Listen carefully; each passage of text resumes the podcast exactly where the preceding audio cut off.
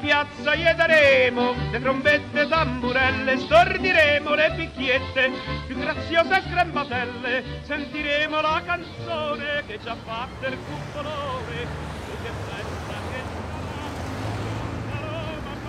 Plötsligt stod jag på Via Aurelia Antica. Det ingick inte i planerna. Trafiken hade tvingat mig att ta en omväg och så befann jag mig plötsligt på en antik väg. Lördagsbilister stod parkerade längs gatan och murar avskärmade utsikten åt båda håll. Men namnet på gatskylten förmedlade omedelbart en känsla av tradition, ålder, gemenskap med andra som gått denna sträcka. Via Aurelia når Rom uppifrån Frankrike och Genuakusten och är en av de antika vägarna till staden. Söderifrån kom resenärerna på Via Appia som numera har både en antik och en modern sträckning. Vägarna fortsatte att användas genom årtusendena. Kom man från norr, kanske ända från Sverige, nådde man staden på Via Flaminia. Och vips står vi där. Så fantastiskt det är med ord. Där sitter ni hemma i soffan, vid skrivbordet på jobbet eller i rusningstid på bussen. Medan jag visserligen befinner mig i Rom, men i ett bibliotek och inte alls ute i själva staden. Men vi kan låtsas. Alltså står vi på Via Flaminia. Bakom oss rasslar spårvagn nummer två till vänster ser vi upp mot parken Villa Borghese där vägen går till Svenska institutet. Till höger anas en amerikansk hamburgerkedja och rakt fram leder en ståtlig port in i staden.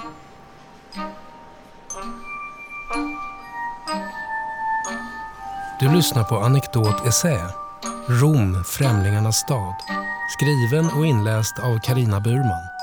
Här gjorde den tidigmoderna resenären sitt intåg i Rom och strax före porten stannade hen nog upp och drog efter andan.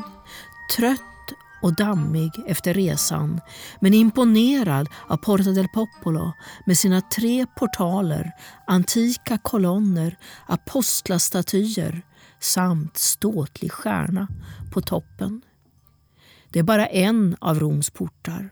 Rom hör till de städer som ännu har en ringmur och precis som i Visby skiljer man mellan området inom och utom murarna. En av de resenärer som gjorde entré i Rom genom renässansporten var drottning Kristina. Intåget skedde i december 1655, ett drygt år efter abdikationen och det sägs att hon red gränsle istället för att åka i den vagn som påven skickat henne. Faktum är att portens fasad mot staden uppfördes inför hennes intåg. Påven lät sin favoritarkitekt Bernini rita den och inskriptionen lyder i översättning För det glädjefyllda och gynnsamma intåget i Herrens år 1655. Vanliga resenärer fick inte trumfportar. En sak har de dock gemensamt, den abdikerade drottningen, pilgrimerna, granturisterna och turisterna. De betraktade Romresan som en vändpunkt i sitt liv. Vissa resenärer var eller skulle bli betydelsefulla och hågkomna av eftervärlden. De flestas namn känner vi inte till. Många bland dem såg ändå Rom som sina drömmars stad.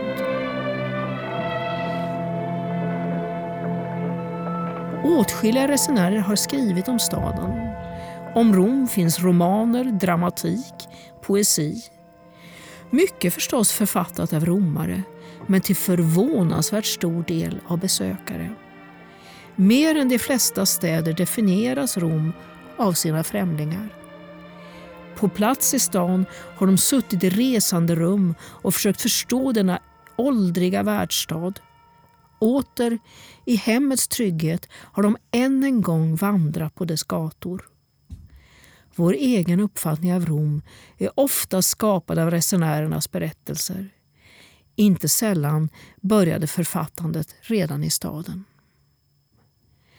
Resedagböcker betonar ofta det ögonblick då nedtecknaren trädde in i Rom.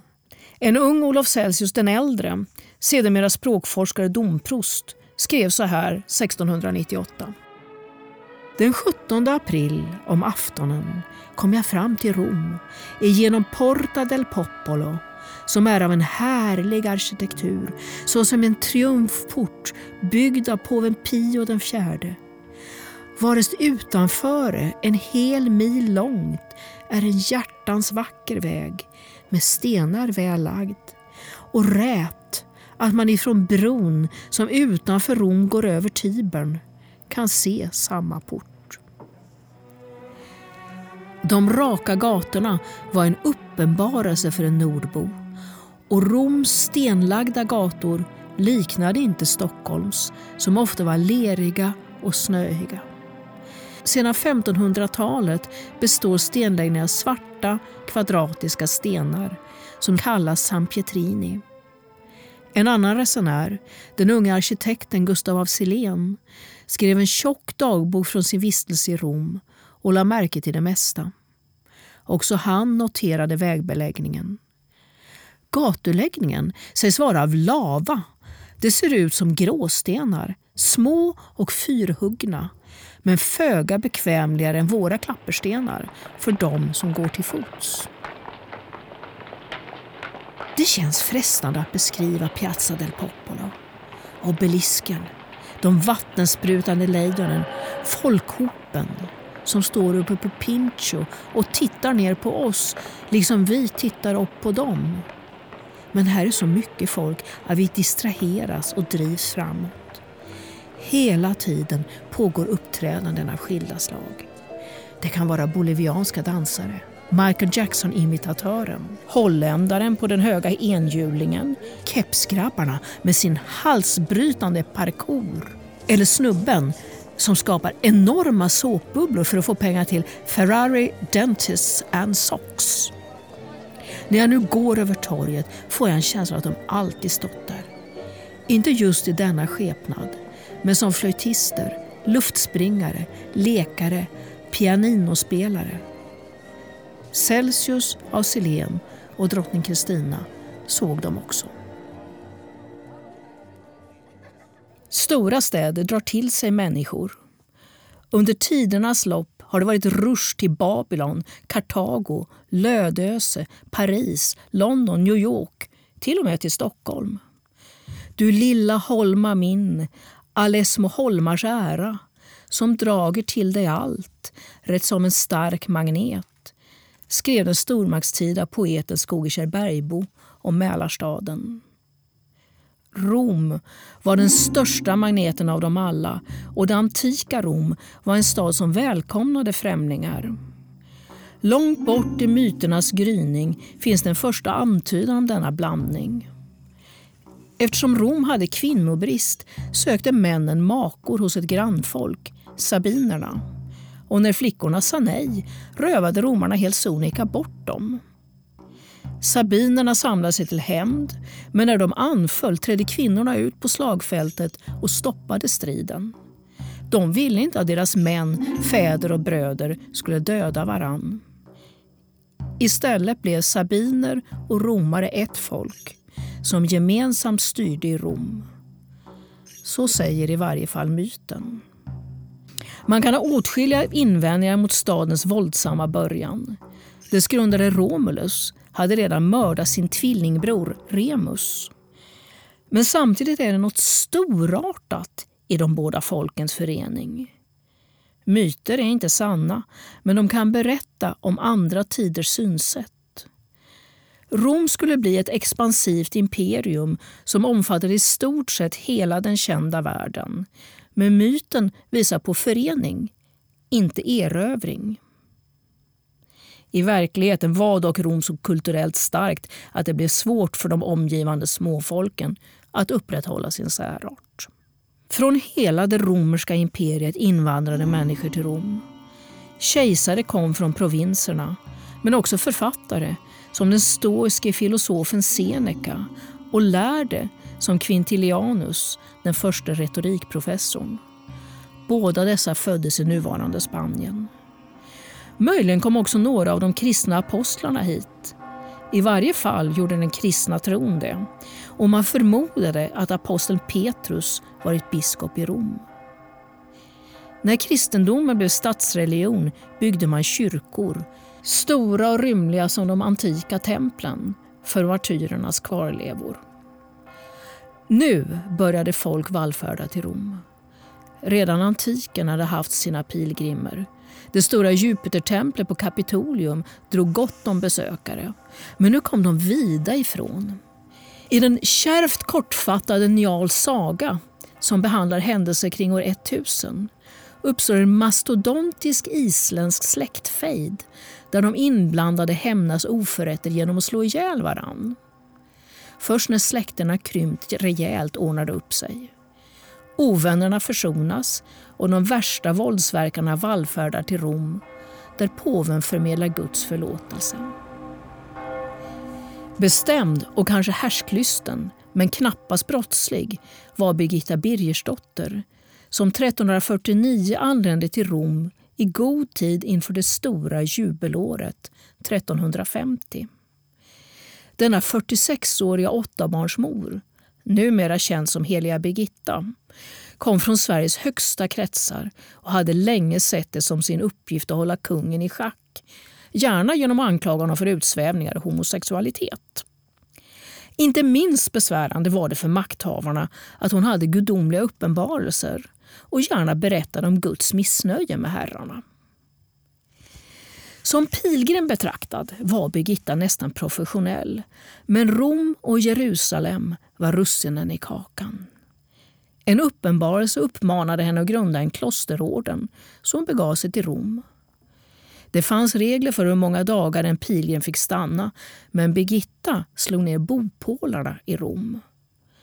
Med undantag för resan till Jerusalem blev hon kvar resten av livet. Vi har nu stått länge på Piazza del Popolo och pratat och det är dags att röra på sig. Tre gator strålar ut från torget. I mitten går Corson via Flaminias fortsättning och den stora shoppinggatan i vars slut vi anar det kritvita Victor Emanuel-monumentet. Den gatan tar vi och efter ett tag svänger vi till höger förbi San Lorenzo in Lucina, en av de riktigt gamla kyrkorna och över det gamla marsfältet som sedan länge är tättbebyggt och fullt med vindlande medeltida gränder. Där framme anas Pantheon, den enda antika byggnad som fortfarande ligger mitt i det medeltida gyttret. Men vi fortsätter vidare över den avlånga Piazza Navona och Campo de Fiore med sin marknad. Detta är Centro Storico, stadens historiska centrum. Nästa torg är Piazza Farnese. Här kan man stå och känna sig historisk en stund och blir man trött går det att luta sig mot järnräcket vid fontänerna. Badkar från Caracallas termer. Rakt fram ligger Palazzo Farnese, en renässansskapelse av bland andra Michelangelo men byggt med material från antika byggnader och försett med utsmyckningar därifrån. Numera är det fransk ambassad. På kvällen anas takmålningarna genom de höga fönstren. Till höger om Palazzo Farnese, nästan västerut, ser vi ett hus med ett kors och en kampanil. In honorem Santa Birgitta står det på fasaden. Till heliga Birgittas ära. Här bodde det blivande helgonet i nästan 20 år och här dog hon omsider. Ingen av de andra byggnaderna fanns här då. Inte ens torget, som medeltida källor kallar äng. Huset testamenterade hon till sitt kloster i Vadstena som bostad för svenska pilgrimer. I tre dagar hade de gratis mat och husly fick de en vecka. Idag är huset Birgitinerkloster och man kan ringa på porten och bli visad runt. Ett minst lika händelserikt liv som Birgitta levde Olaus Magnus, en östgötsk borgarson som studerat i Tyskland och före reformationen gjorde karriär inom kyrkan i Sverige. Hösten 1520 blev han vittne till Stockholms blodbad där 120 personer avrättades. Och några år senare reste han till Rom på kyrkligt uppdrag. Hem kom han aldrig. Reformationen tvingade honom i landsflykt och han var särskilt komprometterad eftersom hans storebror Johannes var katolsk ärkebiskop. Efter broderns död 1544 utsågs Olaus till svensk ärkebiskop, men bara till namnet. Istället verkade han som föreståndare för Birgittas hus. Här bodde han och här hade han författarstuga eller, om man så vill, katolsk propagandacentral. Inte minst intressant är att han inrättade ett tryckeri i huset och tryckte Birgittas uppenbarelser, men också sin egen historia om de nordiska folken och broderns, gåternas och svearnas historia. För en medeltida resenär låg Birgittas hus bra till. Den tidens pilgrimsherbergen låg kring Campo de Fiori. Men på 1600-talet flyttade turistcentrum några hundra meter norrut till Via del Orso, nära Piazza Navona. Något århundrade längre fram var det trakten kring Korson och Spanska trappan som gällde. Gustav av Silén, som vi redan nämnt, begav sig direkt efter ankomsten till ett värdshus vid Piazza de Spagna där jag ska betala sex paoli om dagen för kammare och middag. Värden heter Frank, är tysk och således, förmodar jag, ärlig kar. Äldre tiders nordliga resenärer var ofta misstänksamma mot italienarna som de förutsatte skulle skörta upp dem. Möjligen med viss rätt, ty även romarna behövde sitt levebröd och vars katolicism ofta sågs som skum.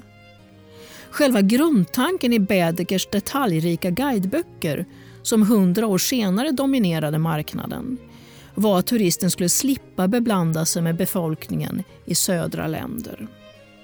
Det är alltså raka motsatsen mot dagens ideal där turister vill hitta de genuina ställena dit lokalbefolkningen går. Det fanns skilda skäl att resa. Av Silén var en av många konstnärer som kom till Rom för att studera klassisk konst och arkitektur. Gustav III stötte honom med ett stipendium och tanken var väl att han skulle komma hem och rita klassiserande byggnader åt tjusarkungen.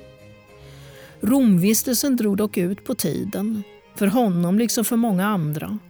Och i april 1792 kom De venetianska avisorna med nyheten om kungens död. Även om av Silén ritade ett antal monumentala byggnader nådde han aldrig den framgång han drömt om. Hans storverk blev istället dagboken från resan. Ett ännu otryckt mastodontverk i fyra volymer. En generation äldre var den store gustavianske skulptören Sergel som stortrivdes i Rom och blev kvar tills kungen kallade hem honom efter nio år. För Sergel blev möten med den antika konsten grunden till hans konstnärskap. Klassiska motiv är vanliga bland hans verk och när han skulpterade Gustav III skedde det med den antika Apollo di Belvedere som förebild. Sergels lärjunge, Johan Niklas Byström, fick 1809 stipendium till en Romresa och levde i stort sett resten av sitt liv i staden. När han dyker upp i de romerska hävderna 1814 bor han vid Spanska trappan, är gift med en italienska och redan tvåbarnsfar. Snart blev han en centralgestalt för de nordiska konstnärerna i Rom, som gärna höll ihop. Detta ledde för övrigt till att Skandinaviska föreningen, som fortfarande finns kvar, grundades 1860. Byström hyrde den stora Villa Malta strax ovanför trappan och byggde senare ett eget hus strax intill. Han hörde nämligen till de konstnärer som tjänade pengar på sin konst.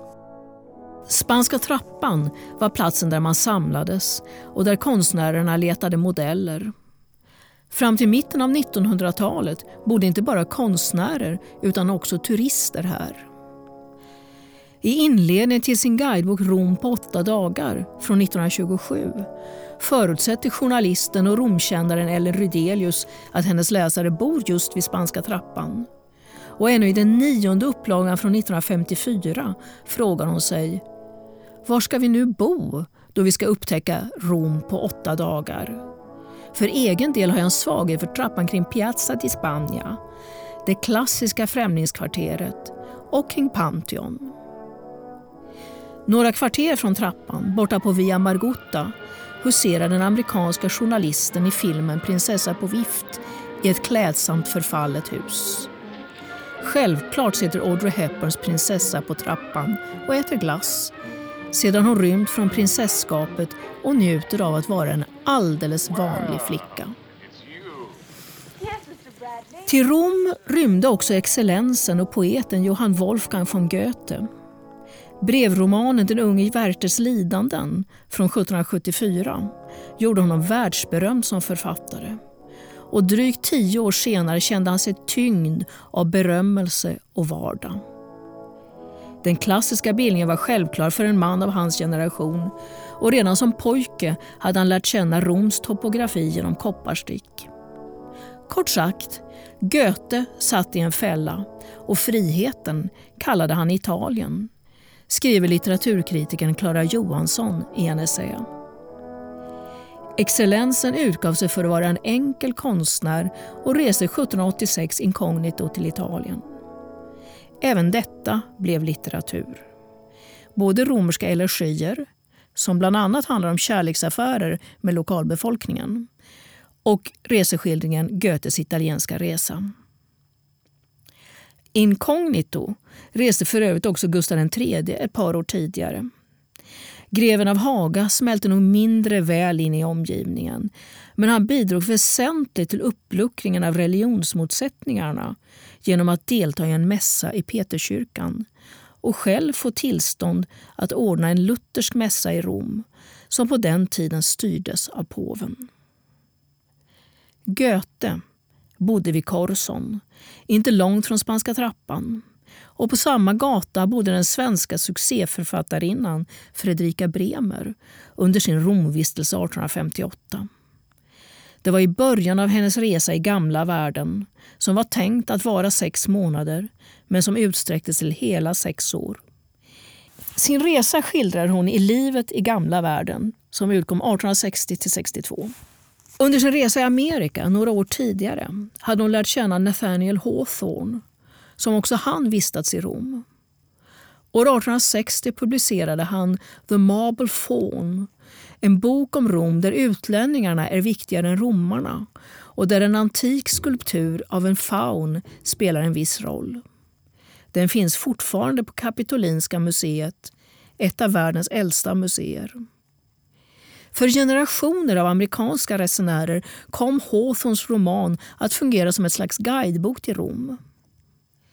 Ett helt annat slags Rom skildras i Birgitta Stenbergs Spanska trappan från 1987 som berättar om utlevelser bland vackra flickor och lockande munkar. Här är romarna viktigare än de utländska besökarna. En kort tid bodde den romantiske engelske skalden John Keats granne med Spanska trappan. Han kom till Rom för att bli frisk från sin tuberkulos, men dog i staden. Eftervärlden har gärna förknippat honom med den samtida Percy Bysshe Shelley som bodde betydligt längre i Rom och som han korresponderade med. Vid trappan finns idag ett museum över Keats, Shelley och Byron. En liten lägenhet i en främmande stad som helt och fullt är England. Keats blev kvar i stan och det blev åtskilliga andra. Många resenärer får söderut för att vårda sin bräckliga hälsa men fann döden istället för tillfrisknande. Om vi beger oss nästan rakt söderut från Spanska trappan, förbi Colosseum och Circus Maximus, hamnar vi i stadsdelen Testaccio. Nu är vi utanför turiststråken. Och utanför stadsmuren anlades på 1700-talet protestantiska kyrkogården som egentligen heter Cimitero a en dag när jag känner mig sådär lagom melankolisk går jag gärna hit och vandrar sakta bland gravarna. Keats ligger på den gamla delen, nära den antika pyramiden, omgiven av grönska och gräsmattor. När det är vinter i Sverige blommar violerna på hans grav. Själv är begravd på den nya delen där det är trångt mellan gravarna. Och inte ens hela Shelley, utan bara hans hjärta. Han drunknade under en stormig seglats och kremerades av sanitetsskäl på den strand där han hittades. Här vilar också unga män som dött under sin Grand Tour. Den resa som skulle utgöra kulmen på deras bildning. Bland de begravda kan man träffa på Byström, den svenska konstnären Blomér, Italienkännaren Carl Bildt, Fredrika Bremers engelska översättare William och Mary Howitt. Här finns skulpturer av änglar, återanvända antika menader som smyckats med kors, men också små minnesstenar. Han älskade livet så, och särskilt de sista sex åren i Rom, står det om en ung arkitekt. Den internationella prägeln är tydlig. Ett italienskt namn kan följas av Min älskade. En av mina favoriter är den vackre yngling i husaruniform som för evigt vilar med en bok i handen och en hund vid sin sida. Om denne skotte vet jag ingenting, utom vad den långa inskriptionen berättar.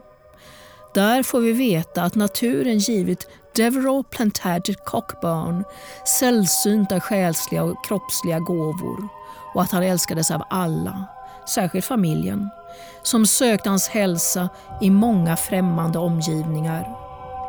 Han dog i Rom 21 år gammal. På kyrkogården finns mycket känsla och mycket sentimentalitet och vi kanske får torka en tår innan vi klappar en av kyrkogårdens många katter och beger oss till närmsta bar för en espresso.